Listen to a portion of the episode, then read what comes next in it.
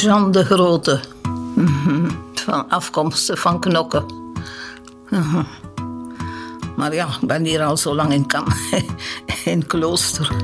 Ik ben binnengekomen twee dagen voordat ik twintig werd. Dus ja, ik ben dus uh, 50 jaar in Afrika geweest. Acht jaar in Congo en uh, 42 jaar in Cameroen. Maar ik ben hier al terug van 2008. Ik had nog willen teruggaan, maar ze hebben dat dan niet gewild. maar ik heb het daar heel goed gesteld. Ik was er graag.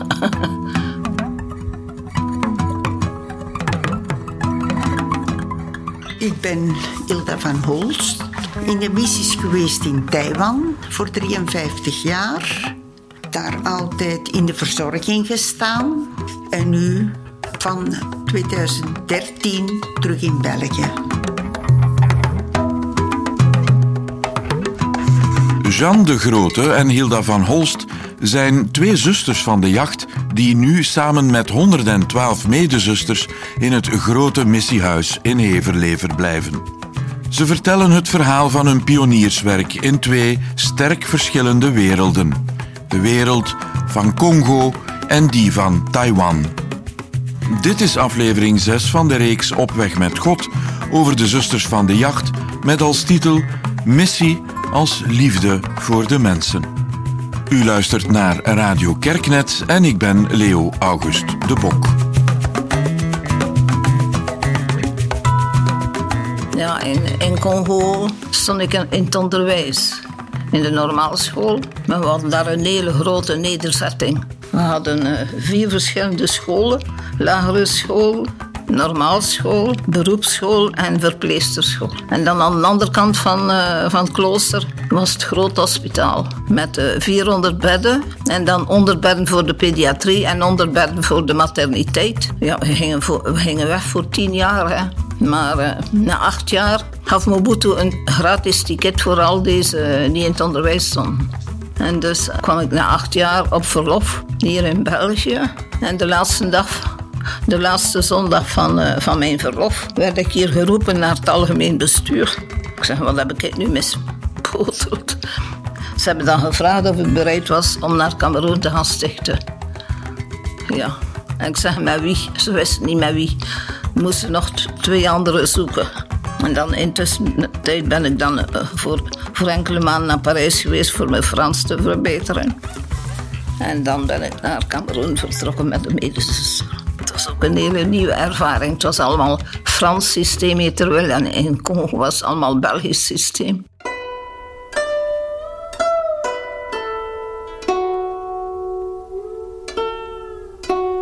Ik ben altijd met de zusters van Vorstelaar in school geweest dan. Na de oorlog, met, voor de oorlog waren die niet bij ons. En die waren altijd voor mij, ja, jij moet in het klooster gaan. Ik zeg, met mij is er geen nonnenvlees aan. En ik heb er toen eigenlijk nooit zo aan gedacht van kloosterzuster te worden. En dan is dat toch teruggekomen. Van de jacht kwamen ze een film geven over de missies in de Giro. En toen is dat eigenlijk terug begonnen. Dat is eigenlijk, het is daar dat moet zijn. Toen was ik al leidster van de Giro en dan is de stap gezet op 22-jarige leeftijd en naar hier gekomen, naar Taiwan gegaan, om, ik had dat speciaal gevraagd, omdat dat een beginnende missie was. Dat trok mij aan.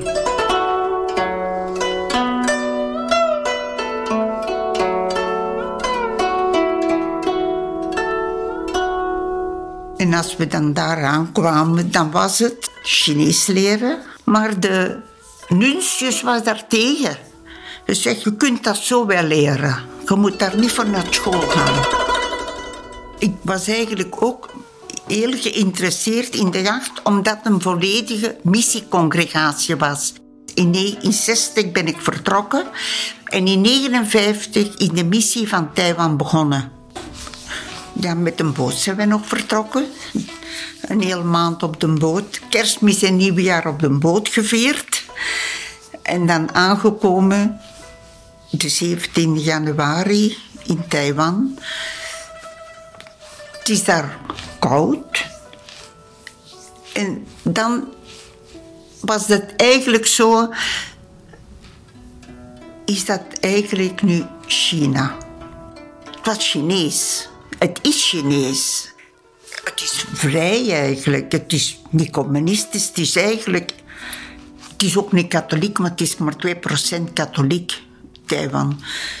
En daar heb ik dan eerst een klein beetje Chinees geleerd bij een meisje van 12 jaar. Die gaf ons Chinese les, maar die kon geen Engels, die kon niets anders dan Chinees. En dan wij met een dictionair, Vlaams en Engels en Engels-Chinees. En dan zo Chinees geleerd. Maar terwijl moesten wij ook wel werken, want er was niet veel. Ik zeg altijd, wij hebben eigenlijk in het begin wel een beetje zwarte sneeuw gezien in de missies. Misschien is dat in alle missies zo geweest, dat weten we niet. Want wel, de zusters vertellen daar wel over. Maar omdat dat eigenlijk een beginnende missie was, was dat zo. En dan was dat ook juist voor Chinees nieuwjaar. Er was een taalschool al opgericht, maar met Chinees nieuwjaar hadden die verlof. Dus er kwam geen geld binnen. En dan vroegen we aan Doverse voor minder te eten. En ze zeiden, nee, dat mag niet. Je moet eten, want je moet gezond blijven.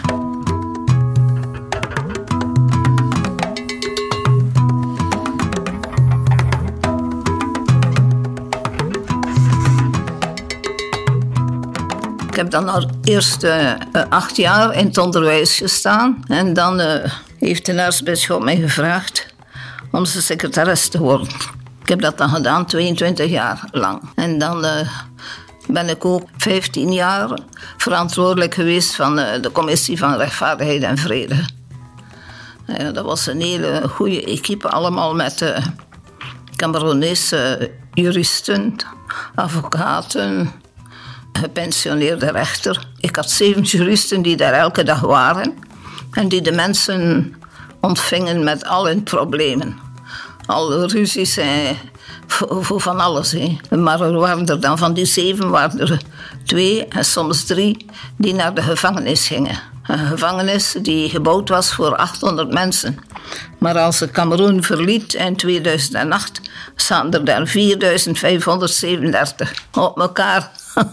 Als ze zijn dat dat hier vol zit, moet ik altijd lachen. Dat was daar iets anders hoor. Ik ging ook elke maand twee of drie keer naar de gevangenis.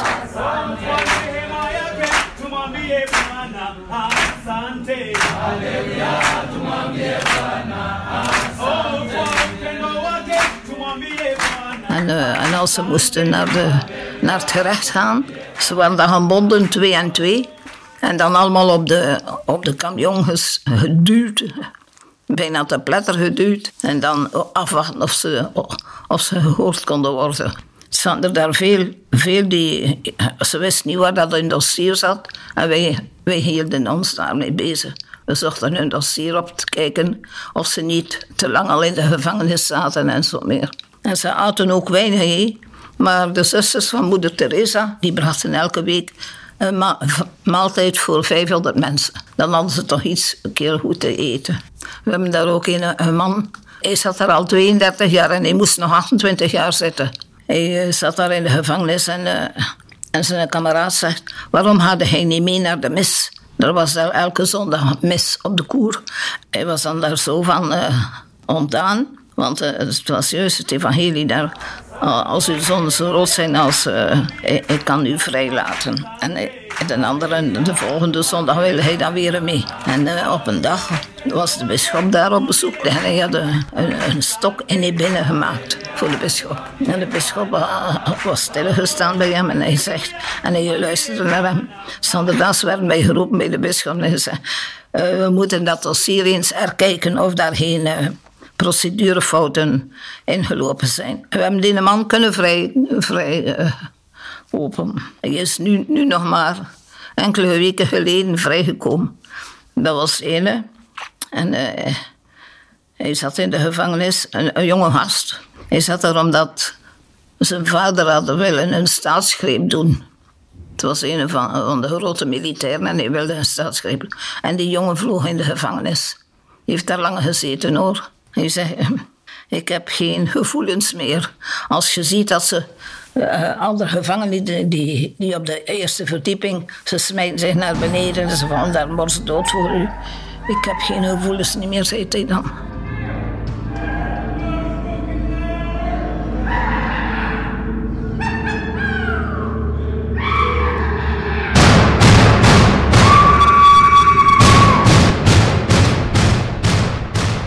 Maar ben blij dat hij nu toch vrijgekocht is. Ja, we hebben daar heel veel voor gedaan.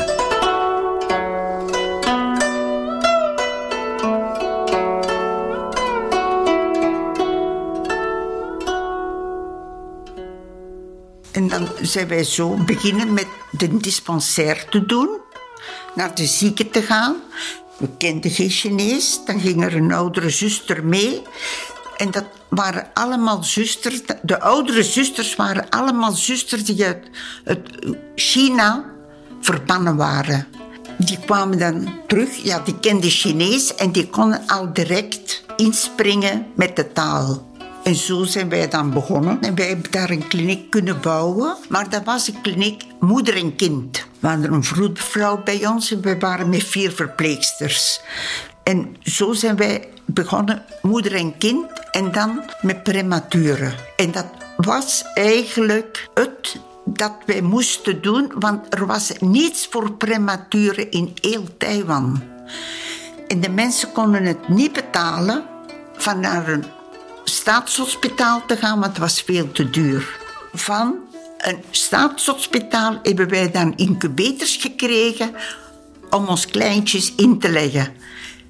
En in zo'n klein incubatorke staken wij wel twee of drie kinderen in. Ja, het waren toch kleintjes, maar moesten wel, ze wel allemaal goed tekenen wie dat wat was. We gaven die allemaal een katholieke naam, want die Chinese namen was veel te moeilijk voor ons. Wij hebben tot prematuur geweest, tot over de 100 prematuren. Maar toen hadden we wel een verdiep erbij kunnen opzetten en incubators kunnen laten maken door een Duitse. En die had een school opgericht en die had zelf incubators ineengestoken en dat waren dan veel goedkoper dan van Amerika of van gelijk waar. En dan hadden wij toch wel rond de 40 incubators staan. En dan, maar er lagen toch, ook altijd twee of drie kinderen in, in die incubators. En dan, ja, personeel moesten wij aanvaarden, maar wij hadden geen gediplomeerde verpleegsters van Ginter. Dat waren allemaal meisjes die wij zelf hebben moeten opleiden alles geleerd, zelfs injecties leren geven en alles. Maar ze waren eigenlijk echt erop uit om alles te leren voor hun mensen. En de mensen die kwamen, ze mochten alle dagen hun kinderen komen bezoeken. En dat deden er heel veel. Diegenen die konden betalen, moesten betalen. Die een beetje hadden, mochten een beetje betalen. En die niets konden betalen, ah, wel, dat was ook zo.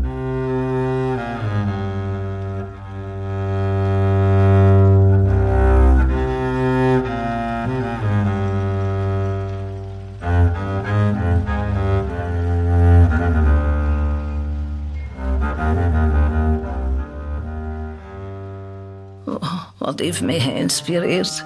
De liefde van Christus, hè. En de liefde voor de mensen. De mensen, de arme mensen hinder. Daar, daar iets gaan, gaan voor doen. Mijn, mijn leven daarvoor opofferen. Ja, de inspiratiebron is, is eigenlijk Christus. Hè? De liefde voor, voor hem.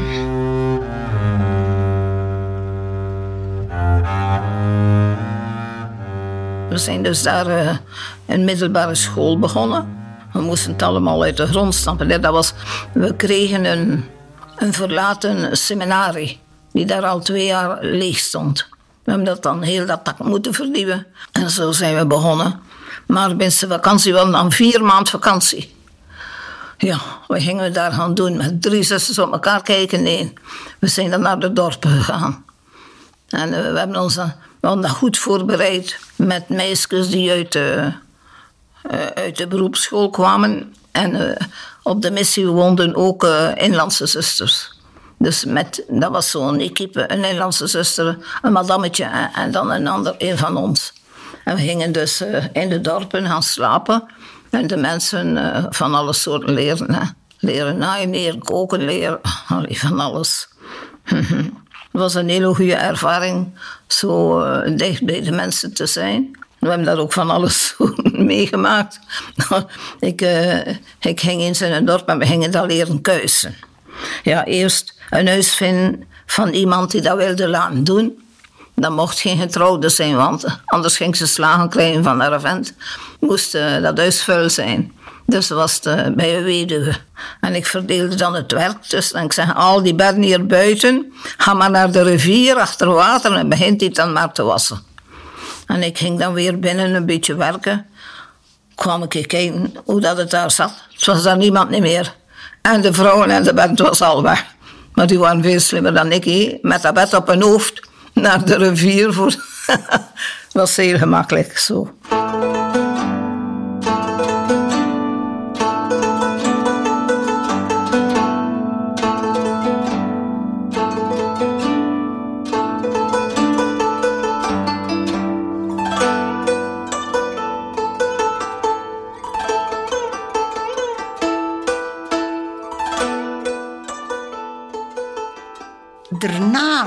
Hebben wij ondervonden hoe dankbaar dat die mensen waren. Taxis was bij ons heel goedkoop. De taxichauffeurs, de mensen met een kleine, met een prematuur, die zeiden we moeten nergens heen met ons kleintje en we weten niet waar. Jammer, zeiden die taxichauffeurs, wij weten naar waar. En die brachten die kindjes naar ons. En die taxichauffeurs waren ook zo aangedaan dat ze zeiden: hier kunnen de kindjes altijd terecht. Op andere plaatsen kunnen ze niet. En daar waren ze altijd welkom. Wij hebben dat 20 jaar, eigenlijk 22 jaar gedaan. En zij kregen alles in handen, maar wij hebben ze wel opgeleid dat ze volledig in dienst stonden van de mensen. Dat hebben we dan altijd zo voortgedaan tot wij eigenlijk op pensioen moesten gaan. Toen waren wij al in de 60 jaar en, ouder. En als de eerste zijn weggegaan, dan hebben ze gezegd, ons verpleging, wij doen het werk voort dat u begonnen bent. En dat was eigenlijk hartver, hartverwarmend voor ons, dat ze zeiden, we gaan het niet anders doen, we gaan het voortdoen in dezelfde ding. En het is eigenlijk zo. De arme mensen zijn nog altijd welkom in de kliniek. En dat is eigenlijk voor ons het grootste doel dat we bereikt hebben voor de Chinezen en ook voor de missies. Nu is er eigenlijk nog één Belgische zuster in Taiwan. Die doet nog administratief werk in het hospitaal, maar die is volledig gehandicapt. Die zit in een rolwagen. Maar haar geest is nog heel goed en ze zijn eigenlijk nog heel blij dat ze daar is om nog hulp te bieden waar nog hulp te bieden is.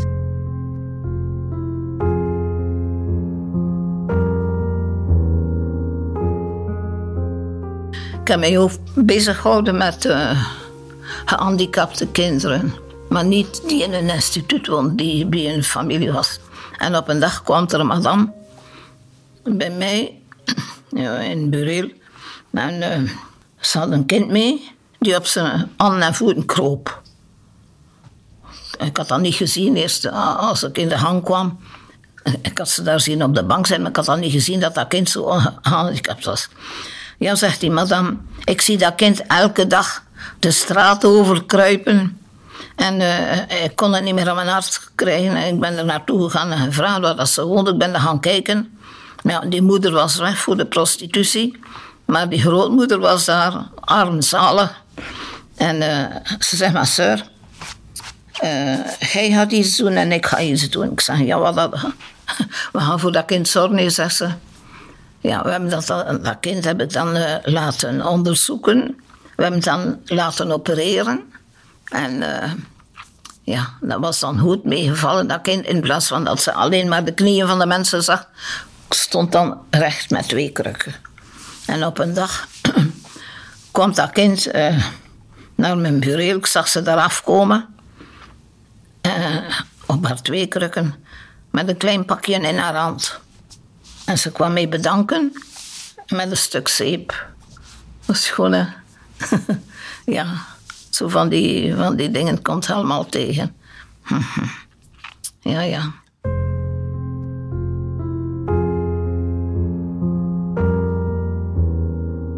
Ik had graag nog teruggegaan. Ik heb dan nog van alles gedaan van hieruit. Als ze dan in Senegal begonnen zijn, heb ik dan gevraagd of we niet mochten meegaan. Als ze in Lapadusa daar uh, iemand nodig hadden, hebben we ook geschreven naar de Algemene. Dat was allemaal niks. Ik, uh, ik, werk in de bibliotheek. Wat doe ik dan nog? De cv's van de zusters opmaken. Ik heb er al veel op gemaakt hoor. En, en dan een doodsprentje opstellen.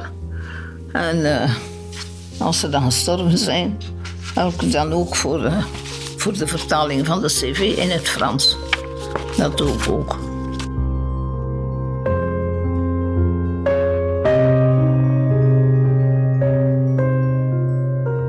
Gisteren hebben ze mij dan nog gevraagd: Zijt je uw Chinees vergeten?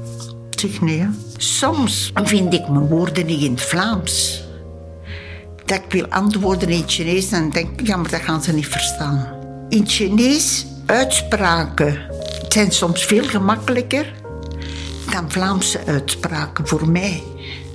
Omdat je er zo lang hebt ingezeten en dat, dat blijft wel in je onderbewustzijn leven.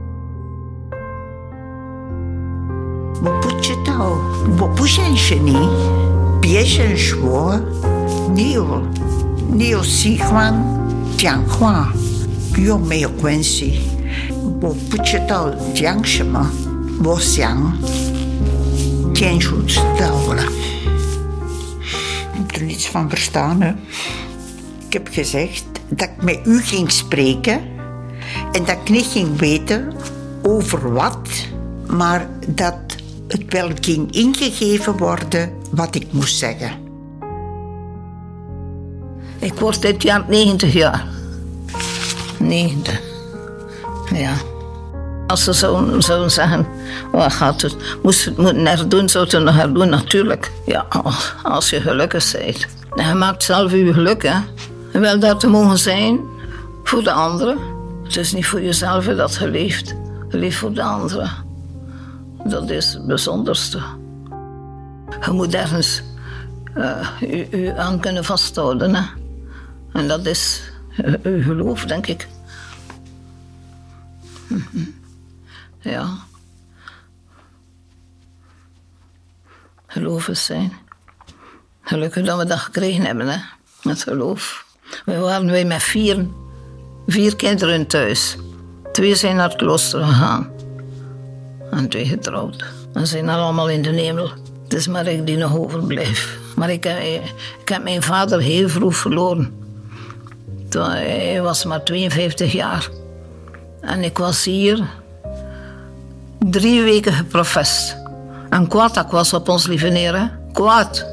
Ik zeg, als je dat nu laat, vroeger gebeurde, ik was naar huis gegaan, hè? Ik ging naar huis gegaan zijn.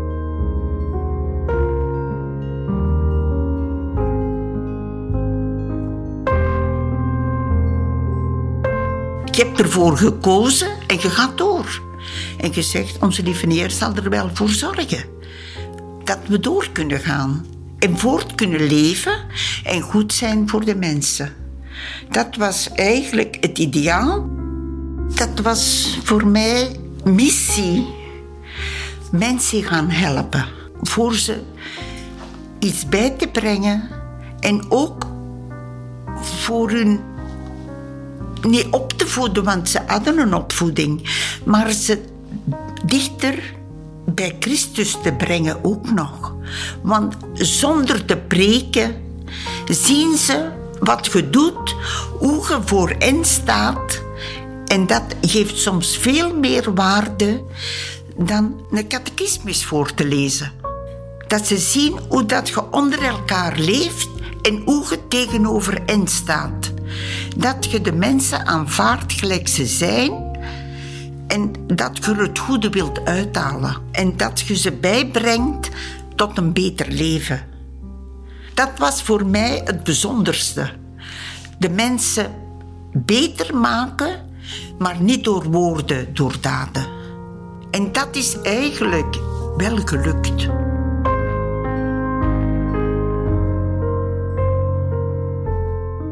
Dit was Missie als Liefde voor de Mensen. Aflevering 6 in de reeks audiodocumentaires over de Zusters van de Jacht, een productie van Radio Kerknet.